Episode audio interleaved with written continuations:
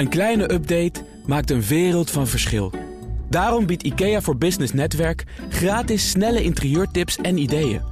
Word gratis lid en laat je werkplek voor je werken. IKEA, een wereld aan ideeën. Boardroom Panel. Intertoy staat in de etalage. Is dit het juiste moment om een speelgoedketen te verkopen? En Heineken vertrekt echt uit Rusland. Is dit dan het einde van het PR-fiasco van de Nederlandse brouwer? Dat en meer bespreek ik in het Boardroom Panel met Stefan Pij, directeur, oprichter van de Governance University... en Jeroen Verkouteren, specialist op het gebied van overnames en fusies... verbonden aan Factor Ros bedrijfsovernames. Heren, welkom. Dankjewel. Dankjewel. Met niet voor het eerst in dit panel uh, het leidend voorwerp Heineken. Dat gaat nu dan toch echt vertrekken uit Rusland, kondigde het bedrijf afgelopen vrijdag aan. De Russische tak wordt verkocht voor het symbolische bedrag van 1 euro aan de Arnest Group. En Stefan, het heeft wel even mogen duren. Het bedrijf zegt nu terugkijkend, ja, het is nu eenmaal lastig. De regels veranderen. Het kon niet heel veel anders of beter. Hoe lastig is dat nou echt, als je wil? Ja, ik denk dat het wel lastig is. Ja, dat zijn we allemaal wel eens. En uh, ze zullen heel zuinig zijn op hun, op hun personeel daar. Maar het heeft al heel lang geduurd. Ze, ze, zullen ongetwijfeld wel een beetje druk hebben gehad op het proces. Maar het is de vraag, ook als je nu kijkt naar de, de koersbeweging na de verandering, of de aandeelhouders er nou echt zoveel druk op hebben gezet of niet. Of ze het nou echt zo heel erg belangrijk hebben gevonden. En dat, daardoor heeft het misschien ook wel wat langer geduurd omdat het bedrijf niet echt werd afgestraft, bedoel je? Ja, en er werd, werd achteraf niet echt afgestraft. En uh, nou ja, of het is dan achteraf een briljante timing dat ze niet zijn afgestraft. Maar ik denk dat het in het belang van het hele concern Heineken eigenlijk niet zo heel veel uh, impact heeft, ja. Rusland. En dan zou je zeggen, ja, dan moet je natuurlijk zuinig zijn op je mensen. Maar had je wel sneller terug kunnen zijn, weg kunnen zijn. Jeroen? Nou ja, kijk, het is natuurlijk wel, het gaat om een paar honderd miljoen. Dat klinkt heel veel, maar in een grotere groep van Heineken uh, valt het allemaal wel mee. Er wordt 300 miljoen afgeschreven nu. Ja, klopt, ja. Maar aan de andere kant uh, kan je ook zeggen, ja, je moet ook wel met een uh, gewillige onderhandelingspartner te maken hebben. En een partner waar je in vertrouwen in hebt. En dat is natuurlijk wel heel lastig in Rusland, ook met een overheid die gewoon ook niet te vertrouwen is. Dus ik denk dat Heineken wel heel zorgvuldig en zachtjes heeft gedaan, omdat ze ook niet precies wisten waar ze aan toe waren. Maar die partij waar nu zaken mee worden gedaan, ja. die kennen ze volgens mij. Dat is een leverancier van Heineken. Ja, klopt. Daar kun ja. je dan toch, als je ziet dat het rijtje met mogelijke kandidaatkopers niet zo groot is, wat sneller contact mee opnemen? Nou, ik, ik, denk dat ze ook wel al veel langer contact hadden met elkaar. Maar die partij moet dan ook wel weer Heineken willen overnemen. En die zegt ook van ja, weet je, ik vind het hartstikke leuk dat wij uh, Heineken kunnen kopen. Maar wat gaat onze overheid dan doen? Dus die zijn ook in gesprek gegaan met de Russische overheid. Van ja, kunnen we dit doen? Mogen we dit doen? Nou, er is al uh, er is een soort uh, ja, vertrekbelasting ingesteld door de Russische overheid. Plotseling. Ja, plotseling. Ja, dan moet je dus als je uit Rusland vertrekt, moet je opeens belasting betalen. Nou, komt nu voor rekening, geloof ik, van de partij ja, die het overneemt. Ja, maar kijk, dat is natuurlijk een discussiepunt. Ja, die moet die rekening gaan betalen. Nou, dan ga je natuurlijk ook met de overheid praten van ja, wat is die rekening dan? Want ja, die is zo onduidelijk. Dus die gaan ook uh, discussies voeren. Heineken weet zelf ook niet waar ze aan toe zijn. Heineken heeft dat gedacht van ja, weet je, laten wij die rekening, die belasting niet betalen. Dan kunnen we ook zeggen tegen andere uh, de stakeholders van ons... van ja, wij betalen niet aan de Russische ja, overheid. Ik zie hier dat jij dat tussen haakjes plaatst. Ja. Is dat toch te veel mooie sier maken? Iets te veel voor de bühne? Ja, nou kijk, dat is natuurlijk wel heel slim van uh, Heineken gedaan... door inderdaad die claim neer te leggen bij de koper... en te doen alsof zij dat niet betalen. Maar indirect betaal je dat natuurlijk ook. Ja. Laten we wel wezen. Ja, het is inderdaad zo dat 300 miljoen is misschien nou, 10% of minder van de winst uh, uh, vorig jaar van Heineken. Dus je kan geen vijf Ruslands hebben. Dan wordt het wel heel pijnlijk. Maar eentje is uh, blijkbaar prima te doen. Dus dan zou je inderdaad zeggen van waar, waarom zo ingewikkeld gemaakt? En ja, we we zijn hier het boardroompanel. Ik denk dan toch even aan wat is er in de boardroom allemaal gebeurd. En ik denk dat je toch wel hier zoveel principiële discussies voert, ook met je raad van commissarissen en misschien zelfs mevrouw Carvalho Heineken zelf.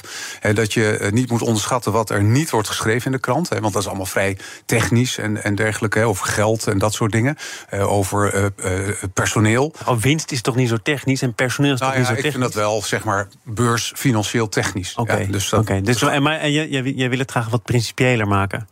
Ja, eigenlijk wel. Ik denk dat er gewoon goede discussies zijn gevoerd. Uh, of, of misschien wel hele moeilijke discussies zijn gevoerd in de boardroom. Die misschien ook wel heel veel tijd hebben gekost. Want je hebt toch wel te maken met een paar heel uh, zeg maar belangrijke mensen. Ik denk dat Dolf van der Brink echt een stevige positie heeft ingenomen sinds zijn uh, komst. Dat hij dat ja. eigenlijk heel goed doet als CEO.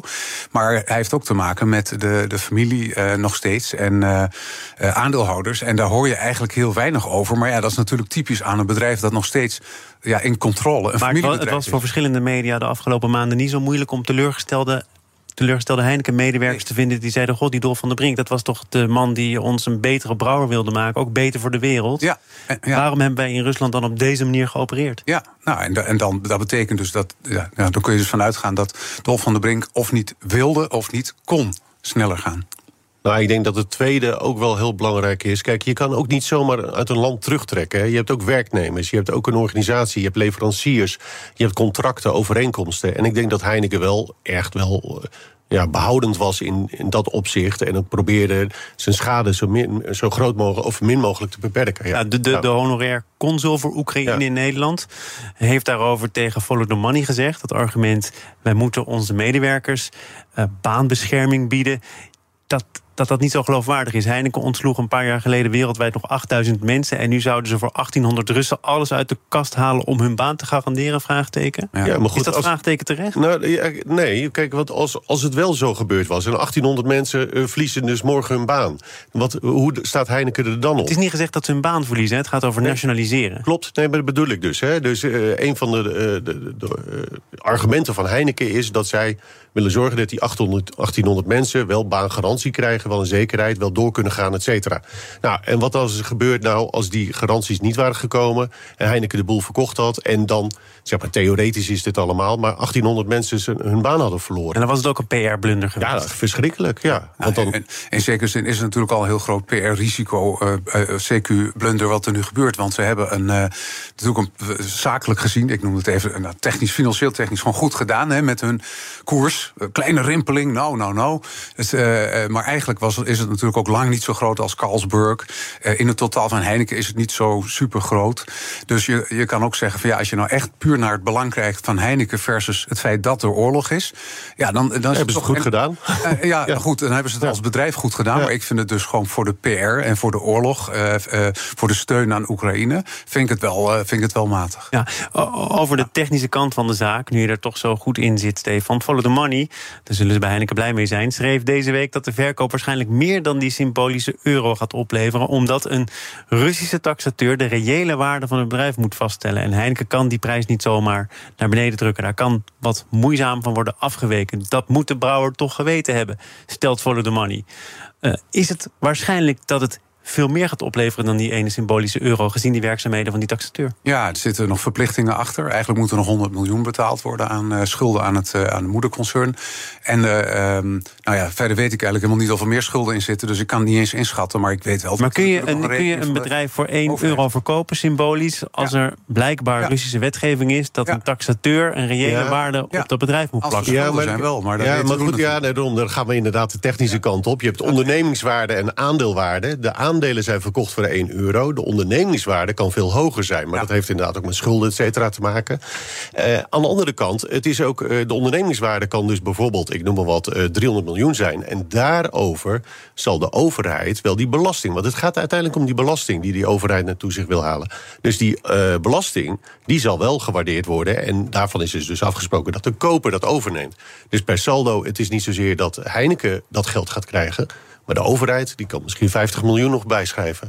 Dat geloof ik wel. Heineken vertrekt. JDE Piet, eh, bekend van Douwe Egberts, gaf deze week aan in Rusland te blijven. Want koffie en thee, dat is Ja. een primaire levensbehoefte. Daar moeten ook eh, Russen toch op kunnen rekenen. Daar hebben ze recht op. Ja. Eh, ondertussen blijkt uit vertrouwelijke gesprekken die de topman heeft gevoerd... dat hij zich toch wel enige zorgen maakt over hoe zwaar Rusland weegt... op de hele portefeuille van het bedrijf. Hoe denk je dat het zit? Nou ja, kijk, weet je, eh, het is natuurlijk een, een fantastisch leuk argument om te zeggen dat je een essentieel product hebt en daarom moet blijven. Eh, misschien maakt hij zich niet druk omdat hij een essentieel product heeft met de rest van de wereld, door Pinelova, want mensen kopen dan toch wel koffie en thee bij hem. Maar kijk, het is natuurlijk wel een, een, een kul argument, laten we wel wezen. Ja. Het is gewoon, ja, Het, is gewoon, het is- geeft, eh, geeft een heel slecht beeld. Ik vind het hetzelfde als dat eh, Heineken niet goed uitlegde... dat er weer nieuwe producten op de markt kwamen in Rusland... terwijl de sancties al lang van kracht waren. Winst verdrievoudigd. Winst, ja. en dus, dus dat wordt gewoon niet goed uitgelegd en dat begrijpen wij niet. En dat is Nee. bij JDI Piet eigenlijk ook zo. Dat uh, Douwe Egberts, en dan halen ze een uitspraak erbij van uh, Douwe Egberts zelf uit uh, 1856. Denk ik, ja. Oké, maar dus het is gewoon niet goed uitgelegd en dat geeft geen goed gevoel. Dat is overigens wat de, de, topman van Heineken ook zegt. Hè. We hebben verkeerde verwachtingen geschetst over hoe die verkoop zou verlopen. We hadden een beter tijdsplan voor ogen moeten hebben. Of daar niet over moeten communiceren. In ieder geval niet beloven dat we zo snel mogelijk er zouden vertrekken. Niet weten hoe ingewikkeld dat was. Maar toch nog even, Stefan, terug naar wat jij zei. Joh, een rimpeling, meer was het niet. Voor beleggers in ieder geval. Financieel weinig schade geleden. De VEB zegt, en dat ging dan specifiek over JDE Piet. Ooit zal de geschiedenis over een bedrijf oordelen. Ja. Is dat nou zo of hoeft dat niet per se? Het is interessant. Het is, als je gelooft in karma wel. Nou ja, de, geschiedenis zal ooit oordelen. Maar hebben de aandeelhouders op dit moment ermee te maken dat over misschien twintig jaar iemand anders uh, wat ervan vindt, om het maar zo te zeggen? Ja, ja weet je. Ja, ik, ik, ik, ik, denk dat dat wel meevalt hoor. Ik denk dat uh, over het algemeen is het zeker bij voor beursgenoteerde bedrijven zijn de markten zo pragmatisch dat ze echt eergisteren wel vergeten zijn. Er zijn natuurlijk ook wel bedrijven geweest de afgelopen jaren die worstelden met hun slavernijverleden, om er iets te noemen. Ja. Heel lang geleden. Ja. Daar moet nu verantwoording voor worden afgelegd. Ja, nee, dat klopt ook. Kijk, als je uh, uh, potentieel financiële schade krijgt, wat dus daar, wat, het voorbeeld wat jij noemt, Thomas, dat, dan moet je in feite, een, dan staat er iets niet op de balans wat in de toekomst wel een stevige verplichting of een ballast kan gaan worden. En dat, dat zie ik hier eigenlijk niet. Ik denk dat er uiteindelijk gewoon prima dit door de beleggers allemaal wordt geaccepteerd. En maatschappelijk kun je dus je vraagtekens erbij zetten. Maar helaas zijn wat dat betreft de beleggers nog wel uh, op het uh, financieel technische gericht. Wij vervolgen dit panel met deel 2. BNR Nieuwsradio. Zaken doen. Thomas van Zeil. Het boardroompanel is te gast. Stefan Pij en Jeroen Verkouteren. En uh, die gaan praten over speelgoedketen Intertoy. Staat te koop. Dat bevestigde de eigenaar en de topman Michiel Witteveen... van de Mirage Retail Group na berichtgeving van het FD. En tot die Mirage Retail Group behoren ook Blokker en BCC. Twee bedrijven die op den duur ook in de etalage gezet gaan worden. En uh, ons geluk is dat we hier te maken hebben met een specialist... op het gebied van overnames en van fusies. Ja. Michiel Witteveen geeft zelf aan, uh, Jeroen... ja, ik ben 70, ik moet nadenken over de continuïteit van een bedrijf. Ja. Mijn eigen kinderen die hebben heel veel talenten, maar niet per se deze. Dus ik uh, zie een andere oplossing, namelijk de verkoop van Intertoys. Ja, Volledig te volgen? Nou, het is enigszins te volgen, laat ik het zo zeggen. Want als we dan even teruggrijpen naar de historie. Hij heeft in 2019 de onderneming gekocht. Nou, toen was hij 67. Ja, daarom. Het is dus niet zo dat je dan opeens zegt van... nou, uh, oh ja, ik word nu over drie jaar 70, dan ga ik de boel maar verkopen. En daarnaast heeft hij wel geprobeerd om er een beursgang van te maken. Dus kijk, uh, dat hij er vanaf wil, dat is duidelijk. Maar dat was denk ik al in 2019 het verhaal. Dat hij zei van ja, ik ga deze onderneming kopen. De, de, de, toen de tijd was het uit een faillissement, dus het liep al niet goed. Om te zeggen van, uh, ik ga het oppoetsen en vervolgens weer verkopen. Ja, hij noemt zichzelf nu een herstructureringsfonds. Gaf hij Ja. ook in de Volkskrant aan. Ik Ja. geloof vandaag nog. Eh, wij moeten ervoor zorgen dat iets weer gaat lopen. En Ja. op een bepaald moment is onze tijd dan geweest. Ja, en dat is in, in, in ondernemingsland, in Ja. investeringsland, is dat vijf tot zeven jaar. Nou, raar, Dus raar. het is het, volgens mij van dan 0 naar 70 miljoen, toch? Dus dat Ja, is wel goed nee, gedaan. dat is toch goed gedaan. En dan verkoop je het. En Ja. binnen vijf tot zeven jaar verkoop je dat zoiets dan. En, en dan zeggen we goed gedaan, natuurlijk even nu vanuit financieel Ja. perspectief. Maar het is natuurlijk vanuit operationeel perspectief fantastisch. Dat er 220 winkels gewoon draaien.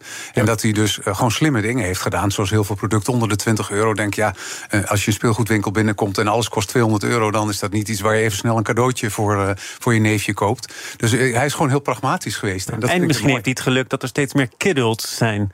Ja. Volwassenen die graag spelen. Hebben die hier ook te pakken of niet? Nee, Nee. nee.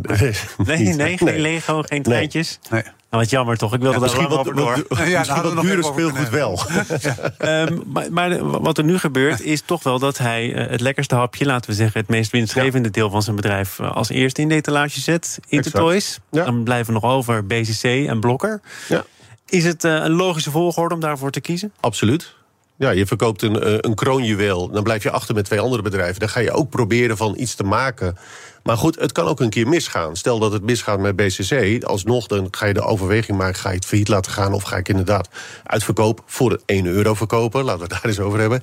Maar dan, eh, ja, dan eh, heb je je kroonjuweel al verkocht. Dat geld heb je binnen. Nou, en dan kan je ook zeggen van... oké, dan laat ik dat alsnog Maar failliet over die kroonjuwelen of tafelzil- tafelzilver, hoe je het ook wil noemen, wordt toch wel gezegd: ja, voordat je dat verkoopt, voordat je dat van de hand doet, moet er wel iets aan de hand zijn. Nou, ja, hij wil gewoon stoppen. Kijk, eh, Ja. waar we het net over gehad hebben. Hij heeft 2019 die onderneming gekocht. Ik ga ze oppoetsen. Het lukt of het lukt niet. Bij deze is het gelukt. Nou, hopelijk, eh, of hopelijk voor hem dan verkoopt hij het voor een mooie prijs. Heeft hij dat geld binnen. Nou, als die andere twee niet meer lukken, ja, die gaan niet failliet. Hoewel die dan wel vrij, vind ik, gevoelsmatig vrij bescheiden overnameprijs heeft. Hè, met wat is het, zes keer de winst zo? Ja een derde keer de omzet. Nou, ik eh, ben niet zo uh, doorgeleerd erop als jij, Jeroen. Maar het is wel een uh, interessante. dat je dan denkt: van ja, wat voor, wat voor een voorraad heb je dan als je nog twee ketens moet verkopen? Dan is het misschien niet eens zo'n heel ruime marge. Nee, dat klopt ook. Maar goed, hij heeft ze waarschijnlijk en, uh, voor 1 euro gekocht. Hij heeft ze voor echt blokken is voor heel weinig gekocht. Ja. Nou, als je dan ja voor de miljoen koopt en je verkoopt het uh, ja, voor de 10 miljoen. Hè? Hij kreeg een bruidschat mee om er nog iets van te maken van de familie. Dus wat dat betreft uh, denk ik dat hij een hele goede deal gaat doen. Over Blokker zegt hij trouwens in de Volkskrant ook wel wat interessant. Namelijk dat veel bedrijven, zoals Blokker, misschien wel te lang in handen van de familie blijven. Is dat ook jouw ervaring, Jeroen? Nou ja, dan komen we inderdaad weer op het uh, thema familiebedrijven. Het kan natuurlijk ook best zijn dat een familiebedrijf of een ondernemer te lang doorgaat met zijn bedrijf, inderdaad. Ja, maar hij zegt de ene zoon is de andere niet. Je moet maar net geluk hebben dat er iemand zit die er nou ja, van Opvolgingsproblematiek is natuurlijk een, een gigantisch iets. Uh, en dat is altijd wel uh, de afgelopen jaren altijd al zo geweest. En dat is nu wat versterkt. En je ziet ook dat heel veel zonen of dochters het bedrijf inderdaad niet van de vader of moeder overnemen meer. En dan wordt het ook verkocht een derde. En dan komen wij weer in beeld. Nog even naar wie het dan zou moeten gaan kopen. Daarover zei Witteveen tegenover RTL Z het volgende. Je moet, uh, de koper van, uh, van die moet dit zien voor de lange termijn. En dat we nu in een, in een tijd zitten, dat het allemaal een beetje wat lastig is. Ja, weet je, het zij zo. We zijn in Nederland absoluut marktleider. we doen het erg goed. We, zijn, we letten heel erg goed op onze kosten. We zijn winstgevend. Wie gaat het doen? Er zijn niet zoveel andere grote speelgoedketens meer over in Nederland. Uh, Witteveen uh, ja, is zelf dus een conglomeraat begonnen. Ja. Is de toekomst van Intertoys dan toch weer eentje onder de hoede van een investeringsmaatschappij die ongeveer hetzelfde gaat doen of niet? Nou, ik hoop eigenlijk dat, het er, een, dat er een strategisch investeerder kan komen. Want ik denk wel dat op lange termijn dat het eh, te, te, te klein is of een beetje tafellaken servet probleem heeft. Dus uh, ik hoop van niet. Maar ehm, ik, als ik ergens een fles wijn op moet zetten, denk ik van wel. We gaan naar P-Vision. Uh, daar hebben we ook nog iets langer dan uh, drie minuten voor nodig. Want uh, dat speelt al een tijdje. Boze beleggers eisen 14 miljoen van de ING-dochter, voormalig ING-dochter Payvision. Dat betaalbedrijf wordt beschuldigd van nalatigheid bij klantcontroles. Payvision zou daardoor een faciliterende rol hebben gespeeld in een oplichtingszaak waar beleggers de dupe van waren. En tijdens een kort geding afgelopen maandag bleek dat zowel ING als Payvision een dagvaarding van de advocaat van beleggers uh, heeft ontvangen. En nog even voor de duidelijkheid: in dat kort geding was ING zelf niet de partij, maar vroeg die claimstichting aan de Nederlandse bank om inzage van een rapport over die geringe controles bij Payvision. Daarover was al geciteerd in het FD. Dus was de suggestie van die claimclub... ja, je kunt wel doen alsof het hartstikke geheim is... maar het heeft in alle kranten gestaan. Doe niet zo ingewikkeld. Uh, hoe zou ING nu toch, hè, want ze zijn er wel degelijk bij betrokken... reageren op een nieuwe claim? Nou, ik denk dat ze uh, wel uh, redelijk wakker liggen daar bij ING. En uh, niet zozeer voor de bedragen, want de bedragen zijn relatief klein voor de, voor de, de bank. Maar ik denk wel vanuit de hele problematiek van überhaupt de overname van Payvision toen de tijd. wat daar allemaal aan het licht kwam. de imagoschade die de ING heeft ja, toch wel behoorlijk heeft gehad. Ik denk dat ze daar wel wakker van liggen. Nou, maar kun je niet zeggen, dat is nu wel geweest. Hè? Dat bedrijf verdiende geld met gokken en met porno... had eigenlijk nooit overgenomen moeten worden. Zeker niet voor die prijs. Ja. Ja, dan is dit een soort staartje van een steeds vervelender erfenis. Ja, klopt, ja. Maar dat is dan nog steeds vervelend natuurlijk hè, voor eh, ING. Kijk, ze hebben, toen de tijd hebben ze gedacht... we gaan ook in de fintech stoppen, stoppen, eh, stoppen, stappen. En, uh, ze zijn nu gestopt? Ja, ze zijn nu gestopt, maar ja. stappen is het dus. En uh, dat hebben ze gedaan uh, om verschillende redenen. En achteraf kan je zeggen foute redenen. Maar dan hebben ze ook nog eens een keer... het slechtste jongetje uit de klas uitgekozen. Nou ja, en dat is natuurlijk iets wat ze nog steeds na nagedragen wordt. En nu weer in de publiciteit. Nogmaals, het gaat niet om hele grote bedragen... maar het gaat wel voor de ING toch wel om een soort imagoschade. Maar dan heb ik een tip. Uh, en misschien kun jij daar ook uh, verder op doorgaan. Want EFRI, dat is die stichting van die gedupeerde beleggers... die zeggen zelf dat ze al langere tijd met ING om de tafel hebben gezeten... om tot een schikking te komen. En dat ING daar weinig vervoelde, of in ieder geval in de optiek van EFRI... niet met voldoende over de brug kwam. Geen eerlijke deal zou willen sluiten.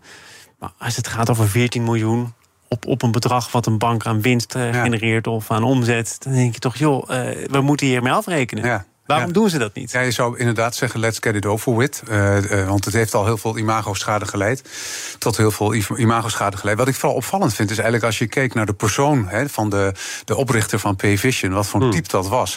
Banken die kijken altijd vroeger, dan kom je met je businessplan en dan kijken ze vooral naar de ondernemer of ze er geld in stoppen of niet. Ik denk als je nu kijkt naar type, uh, die, hoe die ook omging met zijn nieuwe Ferrari meteen en overal de sier maken, denk nou, volgens mij hadden ze ook wel wat beter op hun intuïtie denk wel eens van uh, Hamers heeft het doorgefietst. Zijn uh, chief risk officer uh, die heeft dat allemaal groen licht voor gegeven. Ik denk, nou, volgens mij hebben ze te veel gewild en te weinig gevoeld. Want als ze gewoon echt goed hadden gekeken naar de cultuur van dit bedrijf, die ook heel veel mensen overvlogen uit Singapore. Ja, of, of, is het, meer dan vieren, cultuur? Ik, want ik begrijp dat er verschillende toezichthouders en banken uit andere landen Payvision al eerder op de radar hadden. En niet per se als uitgelezen kans, maar als een bedrijf waar ze met een boog omheen moesten lopen. Ja, nou ja, het is gewoon een fear of missing out geweest. En daar hebben ze gewoon nu nog steeds de, de, de wrange vruchten van. Ja, en, en ja, over jouw vraag van ja, is het dan, waarom zou je dan niet settelen als ING?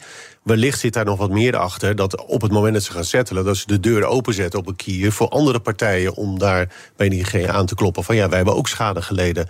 En wellicht is dat ook een beetje lastig. Uh, kijk, ING is natuurlijk met Payvision natuurlijk niet helemaal blij. En ook met de oude eigenaar natuurlijk. En daar hebben ze ook nog eens een appeltje mee te schillen. Dus wellicht spelen dat soort zaken ook allemaal mee. Hoe vaak kom jij tegen dat uh, als je eenmaal een prooi geïdentificeerd hebt, dat je niet voldoende meer kijkt naar uh, risico's?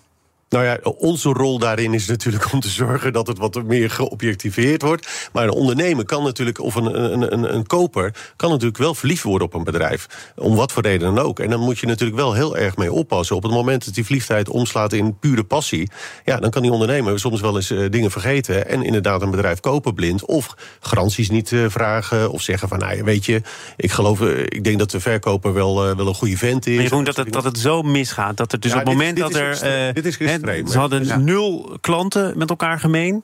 Uh, er was al duidelijk, uh, het drijft op porno en op gokken. Op het moment dat ING het overnam, werd er eigenlijk al veel minder winst gemaakt dan de jaren eraan vooraf gaan. En notabene waren dat klanten die bij ING weg waren gehaald. Hè? Die hadden gezegd, wij doen geen porno en gokken meer. En vervolgens haal je die klanten weer binnen. Dus er zitten, gewoon, er zitten best wel wat mensen bij ING, adviseurs, maar ook intern, die gewoon geslapen hebben. Die niet met de, met de hoe heet het, vuist op tafel hebben of geslagen. Of geen positie hebben gehad. Ja, of geen positie hebben gehad. En gezegd, jongens, dit doen we niet. Ja. Zo simpel is het, ook na een jaar of vijf. Stefan Pij, directeur en oprichter van de Governance University... en Jeroen Verkouteren, specialist op het gebied van overnames en fusies. Dat blijkt wel, verbonden aan Factor Ros bedrijfsovernames. Dit panel is ook te beluisteren als podcast. Abonneer je vooral even via je favoriete kanaal of de BNR-app. Zometeen een oppas inhuren voor je kinderen. Dat is heel normaal, maar hoe populair wordt de oppas voor ouderen? Het inrichten van je eigen zaak is best wel wat werk. Daarom biedt IKEA voor Business Netwerk 50% korting op interieuradvies. Word gratis lid en laat je werkplek voor je werken. IKEA, een wereld aan ideeën.